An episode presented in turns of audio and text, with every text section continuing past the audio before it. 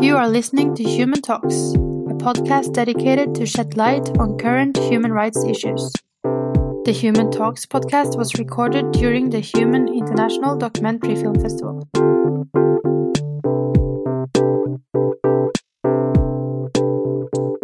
Norge har i ti år stått i spissen for bevaring av de gjenværende regnskogene. Og det er store beløp. 3 milliarder kroner årlig. Og det er en av de store bistandspostene, en av de virkelig store satsingene. Akkurat nå så oppleves jo 3 milliarder når de driver og bygger opp i gata her, og bruker halvannen og to og tre. Så, så, så ikke 3, høres ikke 3 milliarder så mye ut, men det er masse penger. Og for oss som har jobbet med bistand i mange år, så må jeg si oppleves akkurat denne stortingsgreia litt urettferdig. For hvis det, er, hvis det mangler 50 000 i et bistandsprosjekt, så er det en kjempeskandale. Men er det 2,5 milliard for mye på, i en liten tunnel her oppe, så er det til å leve med. Bare for å ha sagt det med en gang når det gjelder de store. Nå har jeg sluttet som direktør, så nå kan jeg i grunnen si mer hva jeg vil også. Men nå skal vi snakke om bevaring av regnskogene, om det er naivt. Og det er stater, organisasjoner, næringsliv og sivilsamfunn som arbeider sammen for dette målet, å bevare regnskogen ut ifra forståelsen av at det er viktig. Men motkreftene er også store. Det har vært flere tilbakeslag. Det er diskusjon om går det bra, går det ikke bra, er det riktig her? Penger holdes tilbake. Så her er det sterke motkrefter. Til å diskutere dette i dag så har vi Bjørn Rask Thomsen, administrerende direktør i Denofa. Du får vinke litt, så vær ja. Og så er det Anja Lillegraven, leder av Regnskogsfondets Asia- og Oseania-avdeling. Hei. Atle Hamar, statssekretær i Miljø- og klimadepartementet. Hei. Og Truls Gullovsen, leder av Greenpeace. Og Takk. da vil jeg gjerne starte med det som er spørsmålet på debattene. Om det er naivt å tro at Norge kan komme ut med det lille flagget sitt og si at vi er, vi er, så, vi er så velmenende, vi vil gjerne hjelpe til, og vi skal være det lille landet som klarer å redde regnskogen. Truls, er det naivt av oss å tro det? Nei, Det er selvsagt ikke naivt å tro at uh, vi kan redde regnskogen og gjøre en forskjell. Uh, I Greenpeace uh, og store deler av miljøbevegelsen så tror vi at vi kan redde verden. så det å redde regnskogen det er fullt innafor. Eh, men det som er viktig, er at man må ikke gjøre det på en naiv måte. Og iblant så har jeg inntrykk av at den norske regnskogsatsinga er litt for naiv. I forhold til de motkreftene som eh, er der, og i forhold til den samarbeidsviljen som, som kanskje ikke er der i de landene som man velger å gi milliarder av kroner for å, for å redde regnskog. Ja. Atle, er det naivt å tro at vi kan reise ut i verden og redde regnskogen? Altså Hvis uh, Stortinget og regjeringen i Norge hadde meint dette var naivt, så hadde man neppe bevilga 3 milliarder kroner årlig til denne innsatsen. Ja, mener du det? At det, det, det, at det har gjort at det borger for at det er riktig? Nei, men det har jo vært en kvalitet rundt satsingen. Og vi vet jo at det er resultat og gode resultat i mange land at man får verna skog. Vi vet at det bidrar til demokratiutvikling, sivilsamfunn urfolk osv. som også tar en rolle i det å hjelpe til å verne skogen. Og vi vet at uh, det også gir klimaeffekt til sjuende og sist ved at skogen i dag er den viktigste mekanismen for å binde karbon, enten det er her i Norge eller det er i Amazonas. Ja, du, Vi skal få komme tilbake til deg, men først, jeg må først spørre Anja. Hva, naivt? Er vi naive? Jeg tenker kanskje det er naivt å tro at tre milliarder kan løse problemet. Eh, men eh, det er ekstremt viktig. Vi har ikke råd til å la være. Vi burde egentlig satse mye mer. Hva sier du, Bjørn? Nei, jeg stemmer i. det det ikke er naivt. Men jeg er også enig med Anja i, at det, det krever mye mer samarbeid, enn vi har sett så langt. Det jeg har kjennskap til, det er primært det området i Brasil, det heter Mato Grosso. Og det vi ser, det er at øh, det er uhyre komplekst å, å løse dette. Men jeg tror ved det vi har gjort så sent som i forrige uke, hvor vi stiller opp eh, norsk næringsliv sammen med norske myndigheter og viser at vi, eh, vi vil samarbeide på en respektfull måte, og vi er villige til å støtte de krefter der, der gjør en god innsats, mm -hmm. der, har, der har vi en sjanse for å komme videre. Da skal vi ha en liten debatt med panelet her, og så får dere i salen slippe til med litt spørsmål og kommentarer. Og så får vi noen avsluttende kommentarer fra panelet til slutt. Og vi har en tidsramme på ca. en time. Men jeg vil ta opp din tråd her, Truls. Vi gjør det på en naiv måte. Hva mener du med det? Altså, det er jo ingen tvil om at det er viktig å redde regnskog. Eh, det er kjempeviktig, og det krever penger, det krever politikk, det krever næringsliv, det krever lover, det krever regler, det krever oversikt og ressurser og overvåkning og masse saker.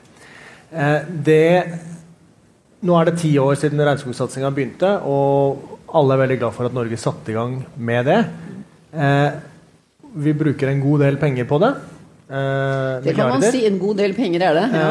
Og vi har skrytt av at det har vært en suksess fra, altså som Norge, skrytt av at det har vært en suksess fra første, første sekund. Fordi at man satte i gang noe og gjorde i hvert fall noe. Eh, fra Greenpeace sin side så har vi hele tiden vært veldig positive til at dette her er et bra initiativ. Det Bør, flere bør bli med.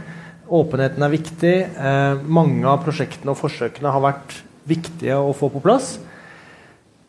Men vi ser jo stadig at det er veldig viktig å briske seg fra norsk side med at denne satsingen gjør at vi er et fantastisk viktig land, klimaland. Vi gjør en fantastisk innsats. Eh, vi verner sannsynligvis masse mer skog enn det vi slipper ut av CO2 fra oljevirksomheten.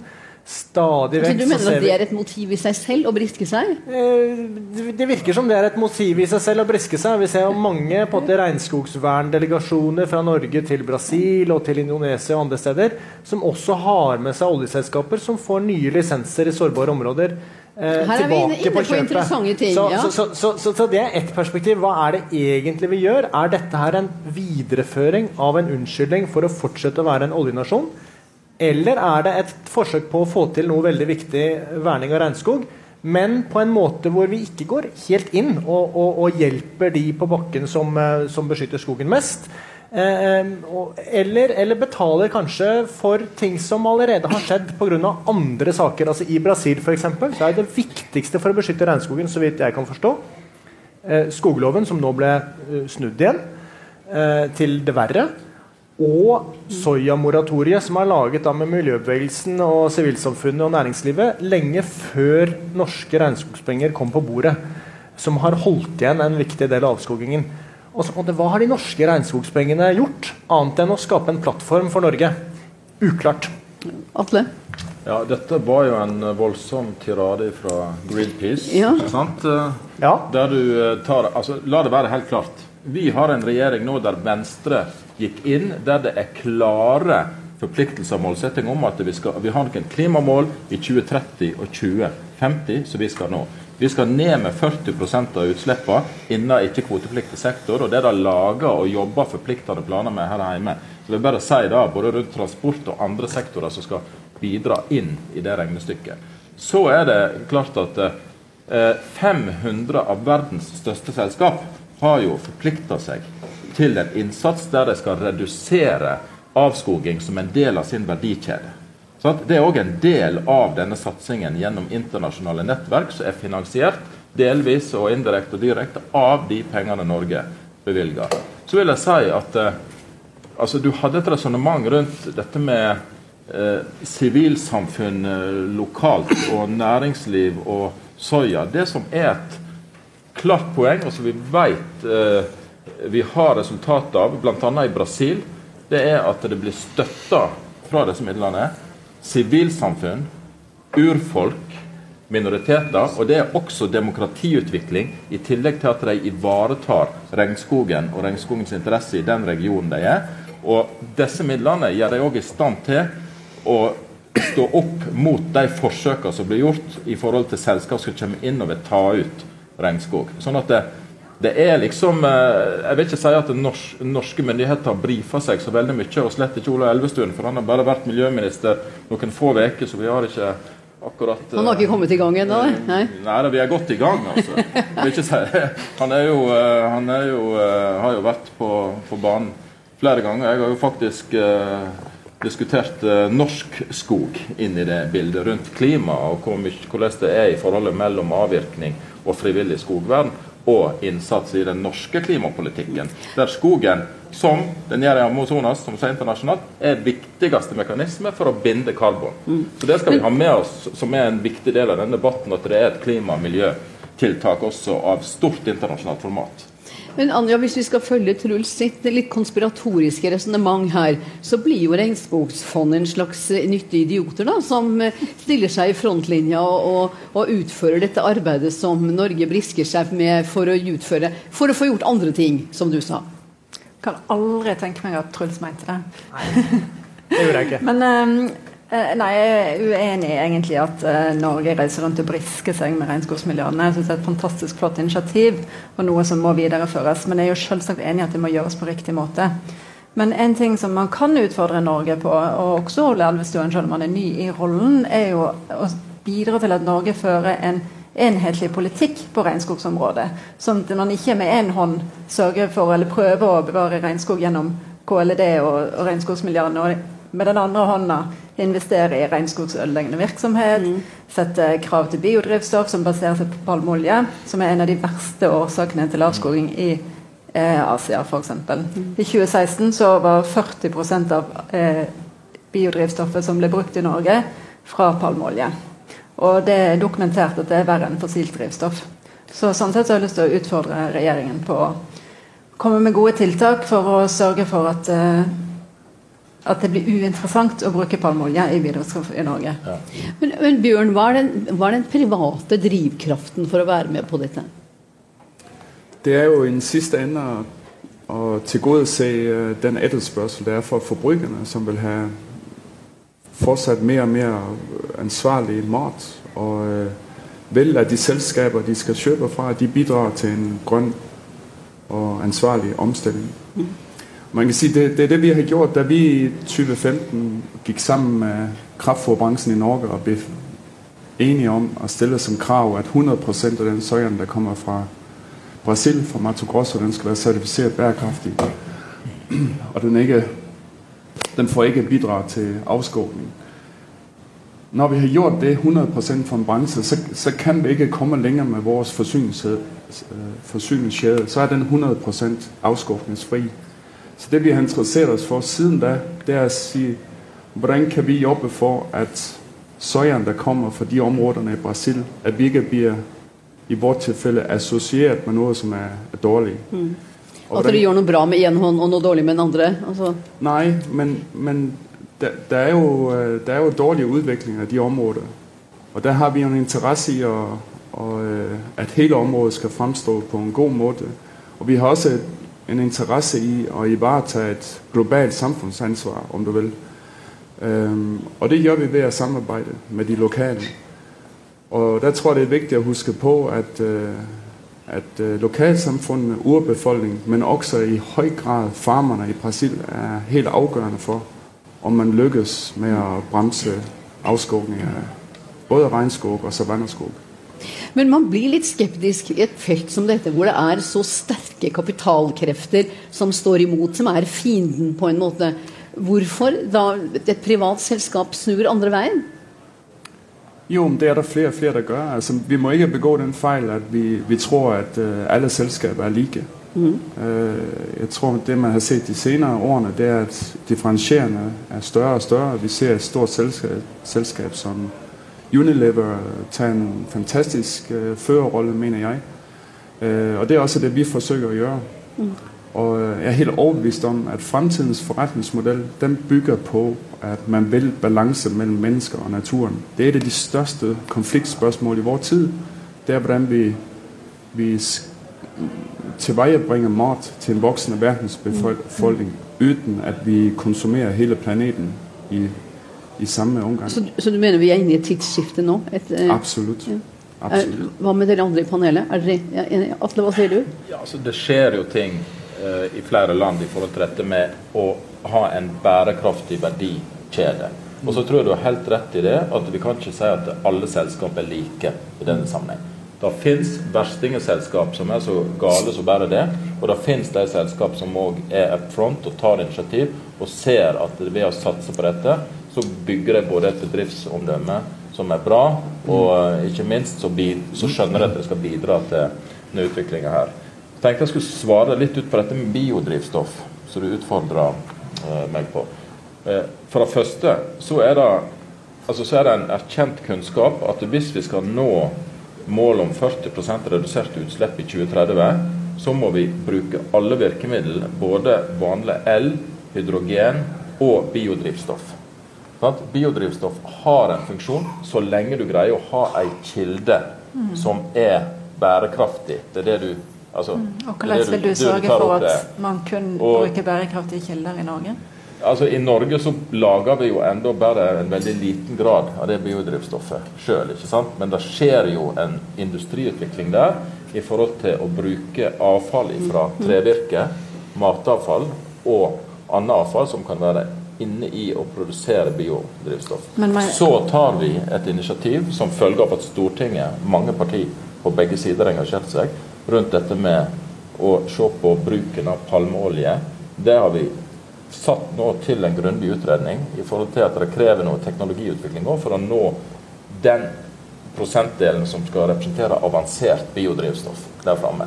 Og dette her tar vi seriøst, selvsagt. Så vi, okay. har et, vi har et fokus på denne her verdikjeden. Og så vil jeg til slutt si at eh, det er jo ikke bare sånn at uh, Norge bruker disse pengene helt alene her i verden. Parisavtalen har jo nettopp forankra denne satsingen òg sterkt, og det skjer ting internasjonalt fra flere land. Men her er det jo en stor diskusjon om eh, palmeolje, biodrivstoff, bærekraftkjede, ikke sant? Og da er skog, skog og regnskog det er et vesentlig kriterium for å nå disse målsettingene.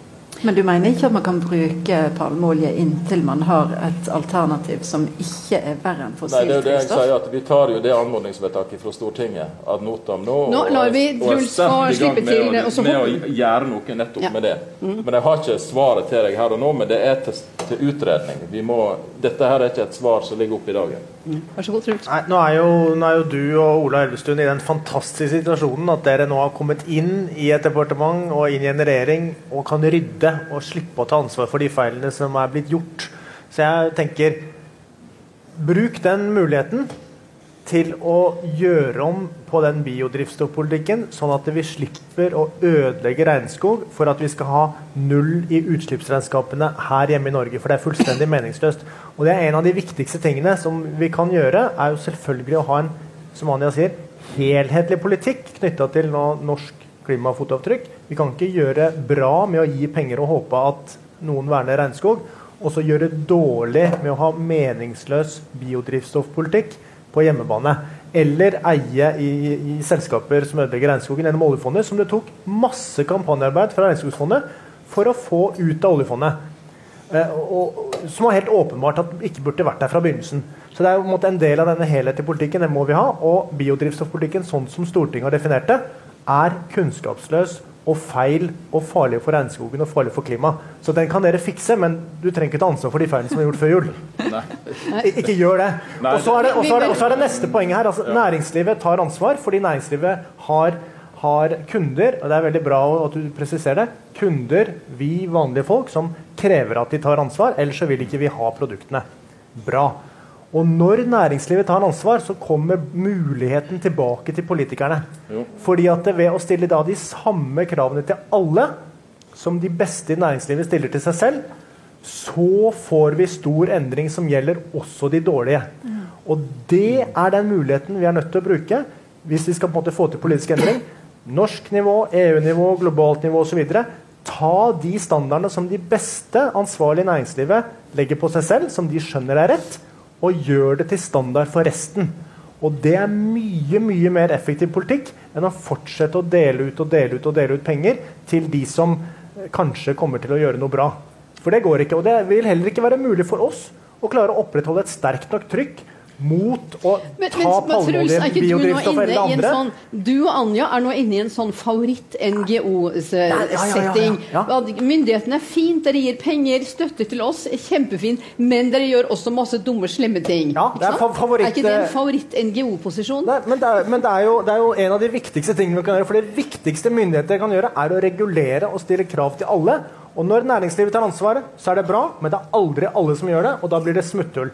Og når vi øker etterspørselen etter palmeolje, god og dårlig, så blir det større fotavtrykk. Øker vi etterspørselen etter soya, god og dårlig, så blir det også større fotavtrykk. Ja, så det er en del ting som må ned. Denne regjeringen har jo sagt at vi skal ha ned bruken av palmeolje, og vi skal ha den helt vekk. Og så gjør ikke vi ting over dagen, og slett ikke på få uker. Jeg vil gjerne tilbake til ja. regnskogen, og Yes. hvorfor. Altså når, alle tilbakeslagene. Det skjer ting med, med det som skal, skulle være liksom Norges på en måte forlengede arm, altså våre allierte, de som skal utføre dette. De, de blir utsatt for vold, det skjer ting med dem. Hvorfor klarer vi ikke å beskytte de som skal være våre eh, allierte i dette arbeidet?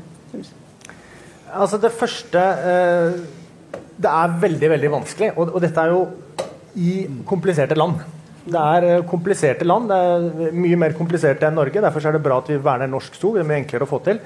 Eh, men så er det kjempestore skogområder, så vi kan ikke mislykkes i, i eh, i Kongo eller i Brasil eller Indonesia. Men det er mye vanskeligere å få det til på en helhetlig måte i veldig korrupte land, i veldig store land, i land med dårlig demokratisk tradisjon. Og da er du usikker på hva er den beste tilnærmingen. Er det å, å gi, gi penger så lenge noen tar imot, eller er det å stille mer krav? Nå har vi jo nettopp fått en situasjon i Kongo. Jeg vet ikke hvor mye som nå er gitt til Kongo. Eh, det har sikkert du kontroll på. Nei, men jeg, må, jeg må få svare ut dette, for du, du snakker jo som om at disse pengene vi bevilger bl.a. til Regnskogfondet, ikke har en virkning der ute. Nei, de største pengene men går har- ikke til men det har Regnskogfondet. det altså- Det har det altså. Nei, men vi De største pengene går men til de myndighetene i de landene som har regnskog. Nå var vi inne i folk som blir skutt og drept, ikke sant, som forsøker å, å bevare regnskog og, og, og må bøte med livet for dette. Hvorfor klarer vi ikke å beskytte disse menneskene? Nei, altså, disse, Det er jo en alvorlig utvikling. ikke sant? Det er vel ett drap annenhver dag. Sant? Med, altså, med miljø, altså, miljøforkjempere blir, blir drept. Og Disse står jo opp for universelle rettigheter. Det er folk som eh, skal ivareta eh, regnskog, passe på regnskog, passe på også lokalsamfunn som blir utsatt nettopp for grove eh, sant, overtramp fra selskap som bare overkjøre dem for å ta ut verdien av eh, skog i det distriktet. Og Fra norsk eh, side så har vi intensivert dette her eh, innsatsen i klima, og skogsamarbeid i dialogen med brasilianske myndigheter. Det er i Brasil du har en spesiell utfordring rundt dette. Og da jobber vi gjennom disse ulike nettverk for å få opp innsatsen for å kunne beskytte disse, disse altså Det er jo demokratiforkjempere vi egentlig slutt. Altså. Når ikke du kan stå opp for din legitime demokratiske rett og kjempe for en sak og bli drept pga. det, så er det et alvorlig demokratisk problem. Så Vi bruker noen ressurser og midler nettopp gjennom den sivilsamfunnssatsingen for å kunne være med å forebygge uh, dette. Så Bjørn, vi, hva eh, gjør dere på dette feltet? Vi gjør det at øhm, vi, I Brasil der jobber vi med lokale aktører i, i Mato Grosso, som bl.a. blandt er det, der hedder PCI, Produce, Conserve and Include, som var delstaten Mato Grossos øh, program, som de lancerte på klimatopmødet i Paris, øh, hvor jeg mener å huske at de om det lykkes, vil kunne spare verden for en emisjon på 6 millioner tonn øh, CO2. Øh, i, det, I det arbeidet der, der deltar brasilianske NGO-er, der deltar farmerne, myndighetene øh, og næringslivet. Og det vi har konkludert egentlig, det er at det beste vi kan gjøre, det er å gå inn og, og støtte det arbeidet. Og være med til å respektere de gode kreftene der jobber på løsningene. Fordi vi vil aldri kunne, øh, som selskap kunne gå inn og, og være en øh, demokratiaktør, som det, som det er inne på her. Altså der, det, tingene er så komplekse, og det er store land, det er jeg veldig enig i. Og, og vi, vi greier ikke, og det må man også forstå når, noen ganger når vi hører at soyaen blir kritisert, at altså, soyaen kan ikke øh, fikse den demokratiske utviklingen i Brasil. Men, men det vi kan gjøre på vores forsyningskjeder, og med den tyngde vi har når vi stiller opp sammen med norske myndigheter, for så blir det lyttet på oss. Og der kan vi få lov å si hva, hva vi forventer, hva vi ønsker oss. Og, og vi gjør det på en måte, og det gjør, det gør jo også øh, NICFI og altså, Regnskovsinitiativet, når de optræder i Brasil. De optræder med respekt for de lokale. ikke sant? Altså, Vi vet det er der, der skal implementere dette. Hva kan vi gjøre for å støtte? Og nå skal dere høre, det er det her, vi, det er det her, der kræves i vårt forbrukersamfunn for, at vi kan fortsette med å støtte. Ja, Anja, ordet først, og så får du Atle, vær så god. Hvorfor klarer ikke vi å eh, ivareta miljø- og menneskerettighetsforkjempere? tror jeg henger sammen med den samme grunnen til at det er så innmari vanskelig å få beskytte den regnskogen. Og det er at det er noen mennesker, noen få mennesker sett i global betydning, som tjener sinnssykt mye penger på å hogge den skogen. Og de går over lik. Og så hadde jeg bare litt eh, lyst til å spørre om det er mulig Jeg har ikke helt kål på dette, men stemmer det at eieren av eieren til Denofa er landbruksminister i Brasil? En av aksjonærene i morselskapet er landbruksministeren i Brasil. Og han er jo ikke akkurat en alliert i denne kappen. Det, det jeg tror, man må forstå, set fra mitt ståsted, det er viktig for meg å si at Dinofa Denofa hvad hedder, agerer jo uavhengig av dette. At, at der er en aktionær, der er landbrugsminister, det, det påvirker ikke vores uh, politik. Men det, der er vigtigt, uanset uh, hvem der er landbrugsminister, det er farmerne. Fordi hvis vi ikke, hvis vi ikke får de med om, ombord, som, som ejer mye af arealerne, der, der kommer vi ikke til at lykkes i, i Brasil. Mm. Uh, og, og det jeg mener faktisk, for at være konkret det bedste man kan gøre i Brasil nu i Mato Grosso, det er at støtte implementering af denne skogloven, som også er benævnt. Det, det er ikke perfekt, men det er absolutt det beste der finnes. og det er en av de mest ambisiøse skoglovene i verden. Så jeg synes, vi, vi må jobbe med den Fullt trykk. Uh, ikke, uh, ikke miste en dag. Men uh, jeg vil jo kanskje utfordre det nå, for, for det, det har gjort et veldig positivt arbeid. ikke sant? Men eh, når man snakker om å gå tilbake i verdikjeden og sørge for at alle ledd i verdikjeden har null avskogingspolitikk for alle varer og alle felt de jobber på, så kan vel det også jobbe oppover? At, du, at nå får med å prøve å påvirke sitt moderselskap eller eierselskap? Men, men igjen, øh, jeg er enig. Altså, og det vi, det vi har gjort, og som øh, den første bransje der er gått sammen i verden, tror jeg, der har vi øh, implementert de her tingene. Altså, vi, vi snakker jo ikke om det som en visjon bare. Vi har indført afskovningsfrie værdikæder i 2015. Og når vi har gjort det, så er det, jeg snakker om, der, der forsøker vi å påvirke alt, hva vi kan på de aktørene der er i det området. Politisk, myndigheder, farmer, NGO'er, vi snakker med de alle. Så, så det gjør vi gerne, men vi, men vi ser, at vi må stille opp eh, sammen med flere. Altså, vi klarer det ikke som et lille selskap for Norge. Og, Ok, da er det Atle som har ordet, vær så god. Nei, altså det, Du er jo inne på noe der. Det er at eh, ja, vi bruker store ressurser på dette her. Og det er en politisk prioritert oppgave når du bruker 3 milliarder av bistandsmidlene.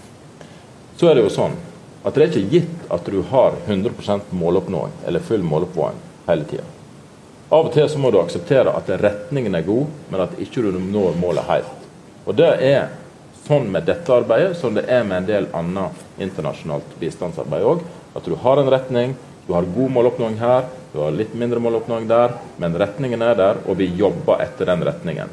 Så glemte jeg i stad å si at vi støtter jo Altså Det norskstøtta Amazonasfondet bidrar jo med ressurser til eh, miljøpolitikk, som annet skal følge opp dette her med kultur for straffefrihet, ikke sant, som er disse landene der. Og så er jo den støtten som blir gjort direkte inn til lokalsamfunn fra disse midlene, eh, og noe som er proaktivt i forhold til å gjøre disse samfunnene i stand til å reagere sterkere gjennom sivile det sivile demokratiet som, en, som, en, eh, som bidrar til å utvikle. Så ting henger jo sammen. Og så kan jeg jo si at eh, Brasil altså det, det blir snakka litt sånn om at det, dette ikke virker. Jo, altså Brasil eh, de har jo en fantastisk klimaeffekt ved bl.a. den verna regnskogen sant, gjennom disse åra som har bidratt i det internasjonale klimaregnestykket til stor grad av, eh, av å binde karbon og få ned utslippene. Sånn at eh, Brasil bidrar òg, som noen andre land, til det internasjonale klimaregnestykket som vi sjøl er med og forhandler, bl.a. i Parisavtalen. Altså det, er, det er bare for å korrigere, det er jo ingen tvil om at eh, det å la skog stå bidrar positivt for klimaet og masse annet. Og at Brasil i en periode har klart nå å snu avskogingen. Poenget er bare det er uklart hvor mye av det som kan tilskrives norsk regnskogsmiddelinnsats.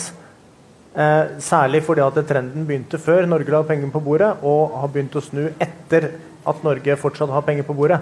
Men, men, men det, er jo, det, det, det, kan man polemisere mye om. Det er jo problem i all bistandsinnsats. Det der ja.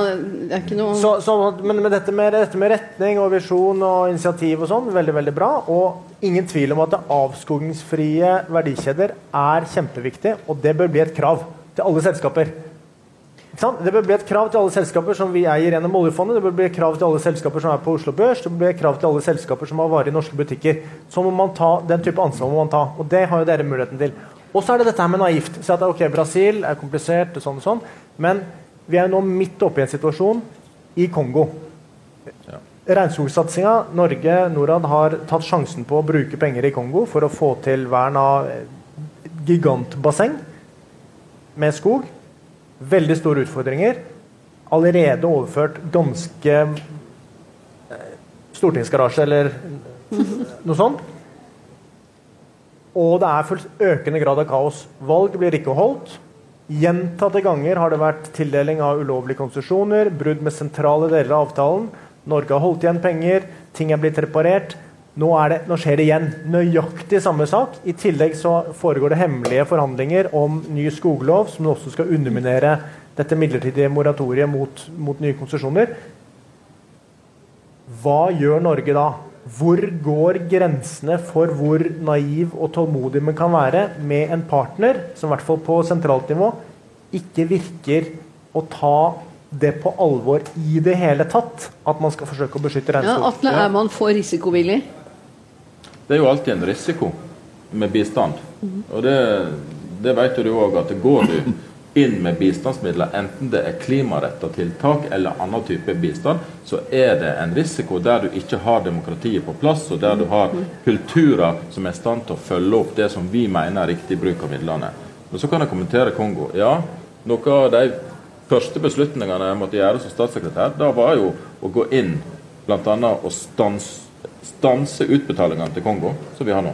Så Per nå så er utbetalingene av midler til Kongo stansa. Altså tildelingen er ikke stoppa som sådan, men vi har stans i utbetalingene for å følge opp dette gjennom de kanaler og nettverk som vi arbeider gjennom når det gjelder stater som Kongo. Men jeg er enig, det er ikke beint fram og enkelt i den type eh, stater som dette. Men de sitter da med en enorm andel regnskog, som er viktig i det store regnestykket. Anja?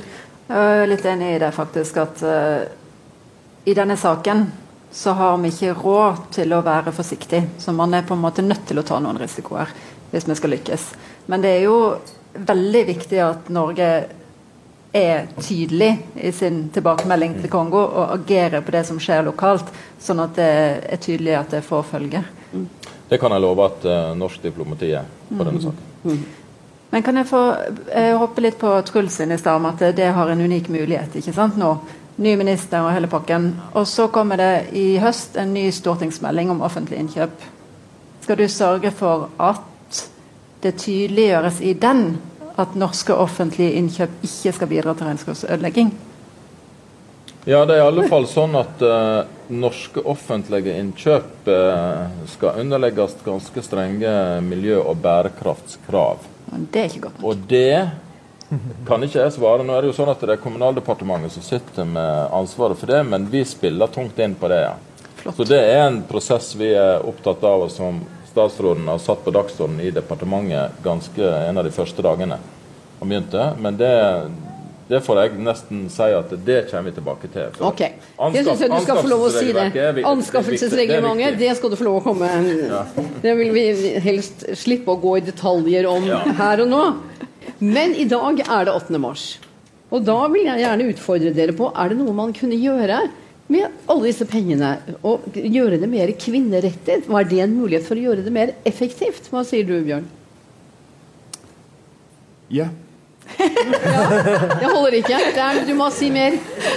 Um, vi har Amati Hjemmen Amadji, som er vores ejer og leverandør, der har vi en række projekter med som blandt andet involverer kvinner øh, som er enslige forældre, for, for eksempel. Øh, det, sker ofte, at øh, andre generation, eller næste generation, der skal overtage gården, det, det, kan, det kan være en kvinde, øh, selvfølgelig kan det det, men øh, de, de har haft vanskelige øh, forhold tidligere, og der, der har vi gået ind via Amadi og, øh, og støttet disse kvinderne, så de bliver styrket og, og kan, kan videreføre øh, farmen. Så, så jeg tror, der er masser af gode eksempler på, hvordan øh, kvinderne, det, det, det ved vi alle, hvordan de er en vigtig brikke i forhold til at få de små lokalsamfund til å fungere.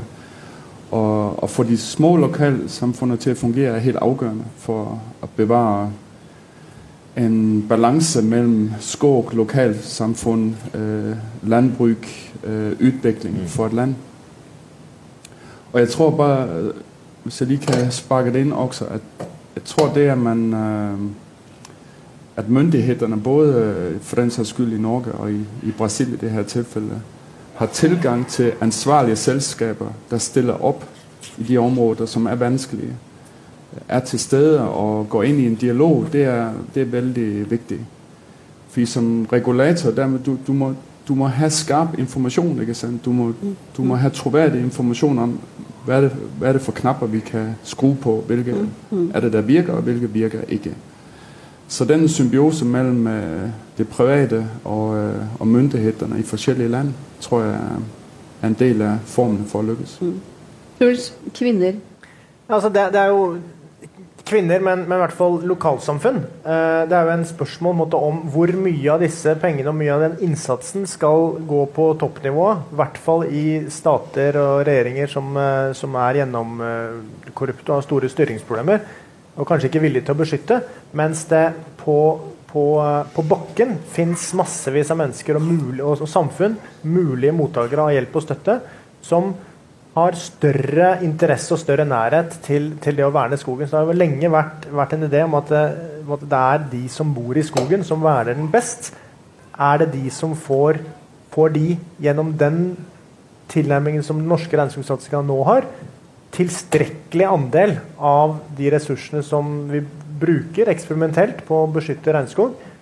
Eh, tør vi å ta nok risiko på på å prøve å hjelpe lokalsamfunnene med kvinnene i spissen til å beskytte sin egen skog, i forhold til den risikoen som det virker som vi tør å ta på toppnivået, hvor stortingsgarasjene eh, er lettere å telle. Eh, og, og der tror jeg at nå på tiårsjubileet så vil det være parameter, dette her. Det blitt så vil, det være, så vil det være bra å se når vi har jobba i ti år, hvor mye er det som går til, til lokalnivået, hvor stor er risikoen der, hvor gode er resultatene, hvor mye er det som går til toppnivået, og, og den modellen om at måte, store resultatbaserte utbetalinger skal gå til, til toppnivået, uten at man har noen egentlig garanti for at de pengene blir brukt til å forankre framtidig vern. Da er det Anja og Atle, og så tar vi noen få spørsmål og kommentarer fra salen. Vær så god, Anja. Jeg tror det er mindre resultatmåling på de store pengene som går direkte til, direkte til staten, enn det som går gjennom sivilsamfunnsmekanismen. Eh, Ikke sant. og den eh, har jo òg mindre risiko nettopp av den grunn, fordi det er så gjennomsyra av forebyggende tiltak på risiko på alle mulige tenkelige områder. Men eh, en annen grunn til at den eh, sivilsamfunnsmekanismen er veldig viktig, er jo at de organisasjonene som jobber med regnskogsbevaring, eh, med penger fra, fra norske regjeringen, bidrar til å styrke det nasjonale sivile samfunn i de landene der man skal bevare regnskogen. Og det er jo de som kan holde sine egne myndigheter ansvarlig. Og i den sammenheng så er jo kjønnsperspektivet viktig. Sant? Fordi det tenderer jo ofte til å være menn som snakker i store fora, offentlige debatter. Så hvis man klarer å få med kvinnene der fra det sivile samfunn, når man på en måte lobber myndighetene i egne land, så tror jeg det har en veldig positiv effekt. Og så tenker jeg at Norge, i de landene som de får en sentral rolle, og er med å påvirke hvordan land setter opp eh, strukturer for regnskogsbevaring, så har jo Norge en veldig viktig rolle i å presse på for transparens og deltakelse fra alle grupper i samfunnet. Både urfolk og kvinner. Uh, you name it. Mm. Atle? Ja, jeg har jo sagt altså det blir jo ytt betydelig støtte til sivilsamfunn og demokratiutvikling i mange av disse områdene i de ni landene Norge støtter når det gjelder avskoging. Eh, og det vil jo på en måte også hjelpe fram kvinner, sånn som både du og du har sagt, eh, gjennom den type innsats. Og så er det forholdet mellom, mellom lokal innsats eller nasjonal innsats av sivile grupper versus det som går på til stater. Altså de store og de små. Og da, da er vi inne i den risikovurderingen som en må alltid ha med seg når en skal ha en dialog med stater der demokratiet ikke er helt oppe og gå, så vil det selvsagt være en risiko. Men skal vi la være å prøve av den grunn når vi mener det er viktig å få til en innsats der? Nei. Og da vil det nødvendigvis bli litt ulike vurderinger der. Og at ja, det er nok en eh, altså, Norge har så godt som mulig en oppfølging på at pengene når fram til tiltaket som skal gjennomføres, og at ikke de forsvinner på veien, som alltid kan være en tematikk rundt dette. Og så vil også sivilsamfunnstiltak selvsagt altså Når man mottar penger, så må en ha en form for transparens, må en form for tilbakemelding, må ha en form for oppfølging. For å, for å ivareta dette. Og dette her blir det jo noen vurderinger rundt som ikke du kan sette inn i et A4-format nødvendigvis at det sånn er det. Det kan variere litt fra land til land eh, osv. Men totalt sett så mener jeg at den innsatsen Norge har gjort, den har hjulpet. Den har bidratt til å få andre land med. Og jeg tror at vi går i riktig retning på dette her. Og innsatsen er stor. Det er tross alt et brukbart beløp som vi prioriterer årlig til den. Da er det anledning til dere å komme med noen kommentarer eller spørsmål. Jeg tror det er en ja. mikrofon som er også rundt i, her. Ja, Øyvind. Vi vet jo hvem Øyvind Eggen, vær så god. Takk, jeg heter Øyvind. Jeg er for tiden mellom jobber. Eh, og mye av det du sier om regnskogsatsing vil fokusere på det som er tema for dagen, altså naivitet. Eh, og for det første bare minne om det at Naivitet i seg selv er ikke nødvendigvis galt. Altså, de fleste store framskritt for menneskeheten har innebåret veldig stor grad, altså store komponenter av naivitet. Eh, og så er det to-tre sånne viktige komponenter av naivitet på den norske regnskogsatsingen som var veldig tydelig for noen år siden, altså når vi starta for ti år siden, som jeg tror er viktig å minne om. Altså, det ene er den eh, troen på at det ville komme et globalt karbonmarked som etter hvert ville overta Eh, det som Norge hadde etablert, og finansiere nærmest sånn finansierte regnskogsbevaring av seg sjøl i, liksom, i overskuelig framtid. Det var ganske sånn dominerende periode. Eh, og den er litt sånn etter hvert altså ingen som tror på det lenger. Og så har man tilpasset seg litt i den norske tenkningen og strategien, men kanskje bare delvis. Den andre sånne store naive altså kvantespranget her var jo det at man trodde at det går an å kjøpe politikk fra andre suverene stater. Eh, og liksom i tillegg det at den naive troen på at når du da kjøpte politiske valg fra en annen stat, så var den staten i stand til å gjennomføre den politikken. For det er jo ofte mulig i Norge at du kan gjennomføre politikk du vedtar.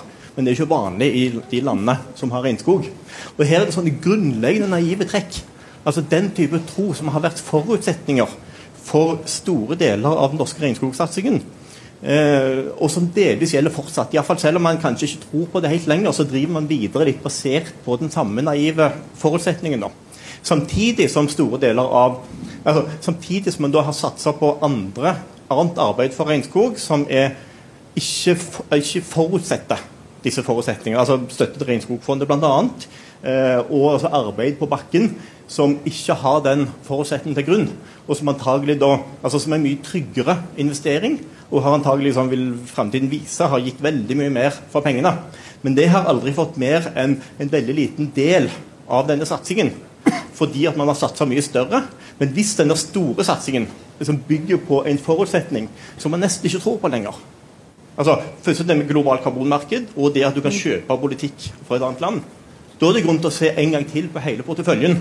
Og Det kan gjerne Atle kommentere litt på. altså liksom, Vil dere ta en sånn ny runde og se hvordan vil den norske regnskogsatsingen se ut dersom vi bestemmer oss for at vi ikke lenger tror på disse forutsetningene? Ja, men da vil jeg gjerne ha, Hvis jeg har noen flere spørsmål, så får dere i panelet ordet til slutt til en oppsummerende kommentator. Så hvis det er noen flere spørsmål i salen, kommentarer Det ser ikke Jo, der bak, vær så god. Det kommer en mikrofon. Presenter deg. Takk. Eh, det var en eh, veldig fin eh, presentasjon, veldig interessant debatt. Eh, spørsmålet er, Vi ser mye forskning viser at eh, urfolksgrupper, eh, områder hvor de bor, er områdene hvor, eh, skog, eh, hvor regnskog bevares bedre. Hvis vi tar hensyn til det, og vi tenker på at eh, regnskogsatsingen Norge gjennom KAFI, KAFI-initiativet og eh, finansieringsmidler som utdeles gjennom FCPF, eh, Forest Carbon Partnership Facility, støtter bidrar til at, ønsker å bidra til at selskaper følger lover med no, norske penger til selskaper i DRC f.eks. For, eksempel, for at de følger lover. Når vi ser at det er egentlig urfolksgrupper som bør styrkes, hva, hva, tenker dere om det? Tenker dere at Norge bør eh, gi mer penger for, eh, for, å få landsrettigheter på plass, for å få mm -hmm, Takk. Hva skal du ha? Da tror jeg vi går over på avsluttende kommentarer fra panelet. Og hvis du vil begynne, eh, Bjørn, så er det kjempefint. Og det er to spørsmål her. Det ene er om det hele regnskogsatsingen satser på, på, naive, feil premisser som er utdatert. Og så er det liksom urfolksperspektivet. Eh, og så kan du kommentere om det hele tatt har virket, om disse regnskogspengene har virket. Jo, men jeg, der vil så starte med å si at uh, jeg det er i hvert fall helt sikkert, at regnskogsinitiativet forsterker vår innsats uh, mange ganger. Så øh, det at norsk næringsliv og regjering jobber sammen i et land som Brasil, det er en kæmpe fordel. Øh, det jeg kunne tænke meg å kommentere på i forhold til det, der ble sagt, det er, hvordan får man lovgivning til å virke. Øh, og som med de opplevelser vi hadde i forrige uke i, Brasil, så... Øh, så er det jo ganske store skogområder også, som er privat eid, ikke sant? Uh, så, så uh, også det spørsmålet er jo komplekst. Altså jo, der er store regnskovsområder, hvor der bor urbefolkninger, som vi skal værne om, og det, det vil vi. Men der, der er en række områder, som er privat og, det mest effektive, man kan gjøre for å få lovgivningen til å fungere i de områderne, i Brasil nå, det er å sætte inn massivt for å få skogloven til å virke. For her, her snakker vi om, her har vi ikke folk, der nødvendigvis bor i denne skogen på, på tro sin eiendom, eksempel. Men der snakker vi om, at delstatsregeringen har en mekanisme, har overvågning, så man kan reagere umiddelbart, når satellitterne registrerer, at der begynder at bli felt trær på et bestemt område. Og det, det er ganske enkelt, eller ikke enkelt, men det er spørsmål om å tilføre menneskeressurser og midler og systemer, så disse systemene virker, og man kan reagere umiddelbart når det skjer noe. Ja. Jeg vil gjerne henge med på eh, Monica sin betimelige påpekning om eh, viktigheten av landrettigheter. Fordi eh, eh, det er jo helt riktig at eh, man ser en, en relasjon mellom urfolks territorier og skogbevaring. Lokalsamfunn kan best bevare sin egen skog. Eh, det er veldig positivt at klima- og skoginitiativet i stadig økende grad har fokus på den type tiltak. Eh, vi ser jo i noen land Man kan godt diskutere hvor store resultater man ser i de ulike landene som Norge har gått inn med store penger. Og Indonesia er jo et land som dessverre ikke ennå kan vise til eh, betydelig avskogingsreduksjon. Men det man kan se i Indonesia, er en positiv utvikling både når det gjelder sivilsamfunnsdeltakelse, åpenhet i prosesser. Det går litt opp og ned, men en, du kan se en forbedring over tid siden 2010, når Norge inngikk den uh, skogavtalen med Indonesia. I tillegg så har Norge sammen med et sterkt indonesisk sivilsamfunn pressa på for en type landrettighetsreform som er i sin gryende begynnelse i Indonesia. Der eh, Skogdepartementet har lova å, eh, å sette i gang de skal ha innen uh, noen få år, husker ikke akkurat datoen, så skal de ha 12, ja, over 12 millioner hektar med såkalt social forestry, der lokalsamfunn kan forvalte sin egen skog. Det er et veldig positivt resultat som Norge kan være med og ta litt av æren for. Atne? Ja, så jeg kan jo henge med på det at Klima- og skoginitiativet prøver jo å spisse satsinga i forhold til å bidra til den utviklinga som du og som du òg eh, nevner her. Eh, jeg skal ikke kommentere det eh, så mye mer enn at vi satser på å holde oppe klima- og skoginitiativ på det nivået som er nå, og satse videre.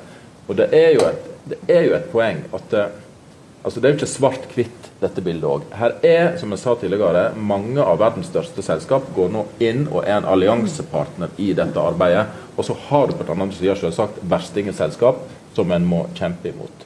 Og Da er jo bl.a. dette med å styrke overvåkningsaktiviteten. Altså du har satellitteknologi, men enda mer interessant nå i forhold til lokal forvaltning og overvåking, så er jo droneteknologi som blir tatt i bruk.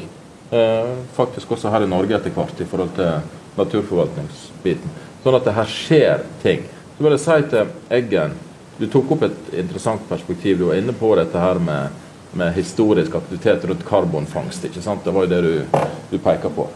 Ja, jeg tror, og jeg er ganske sikker på, at den type internasjonale avtaler og konvensjoner som Parisavtalen innebærer her, er jo noe som drar veldig i riktig retning. Fordi at den internasjonale bevisstheten er jo økende rundt dette med togradersmålet og det å nå togradersmålet. I alle fall 1,5-gradersmålet innenfor et tidsperspektiv.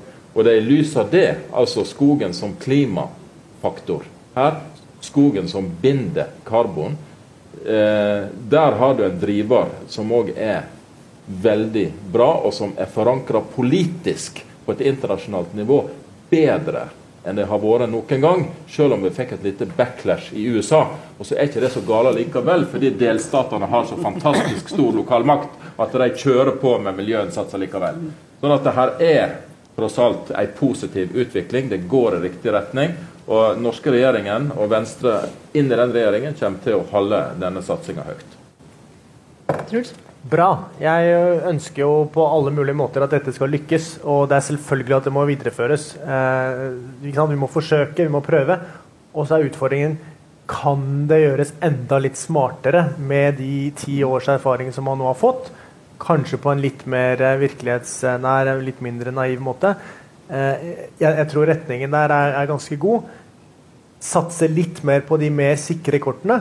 Eh, det har vært interessant å se på måte, hvor mye som har gått til sentrale tiltak, og hvor mye som har gått til lokale tiltak.